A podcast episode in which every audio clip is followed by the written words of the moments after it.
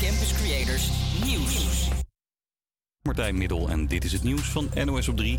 Je kunt voorlopig geen aandelen kopen van WeTransfer. Dat Nederlandse grote bestandenverstuurbedrijf wilde naar de beurs aandelen verkopen, zodat ze met het opgehaalde geld nieuwe dingen kunnen doen. Maar de koersen van de aandelenbeurs schieten omhoog en weer naar beneden. Het is gewoon te onrustig, vertelt verslaggever Nick Wouters. Eigenlijk was het al opvallend dat ze ermee eh, doorzetten. Dat ze de plannen niet terugtrokken eerder al. Vorige week zei ze nog, we gaan het gewoon doen.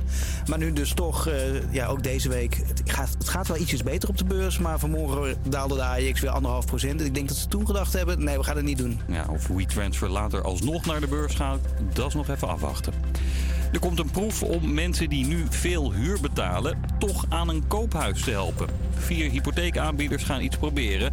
Als je al drie jaar veel huur betaalt, worden de regels voor een hypotheek wat versoepeld, zodat je er toch een kan krijgen. Zo gaan om 575.000 duurhuurders die dan meer kans hebben om een stulpje te kopen. Met de proef mogen duizend mensen meedoen. De politie in Frankrijk heeft vijf mensen opgepakt die een handeltje zouden hebben in neppe vaccinatiebewijzen. Drie van hen zouden artsen hebben gehackt om met hun account in totaal zo'n 62.000 van die bewijzen aan te maken. Sinds deze week is in Frankrijk een vaccinatiebewijs verplicht om naar een café of restaurant te gaan. En het is vandaag 77 jaar geleden dat vernietigingskamp Auschwitz werd bevrijd. Daar wordt over de hele wereld de holocaust herdacht, ook in Nederland. Op verschillende plekken in het land staan vitrines opgesteld met replica's van voorwerpen die Joodse mensen in de Tweede Wereldoorlog gebruikten. Die vertellen iets over een leven van één van die 102.000 Nederlandse Joden. Om niet alleen stil te staan bij de omvang van de moord, maar juist ook te laten zien dat die 102.000 mensen 102.000 individuele, gewone levens waren. Mensen kunnen bij die vitrines een QR-code scannen, zodat ze het verhaal erachter kunnen lezen.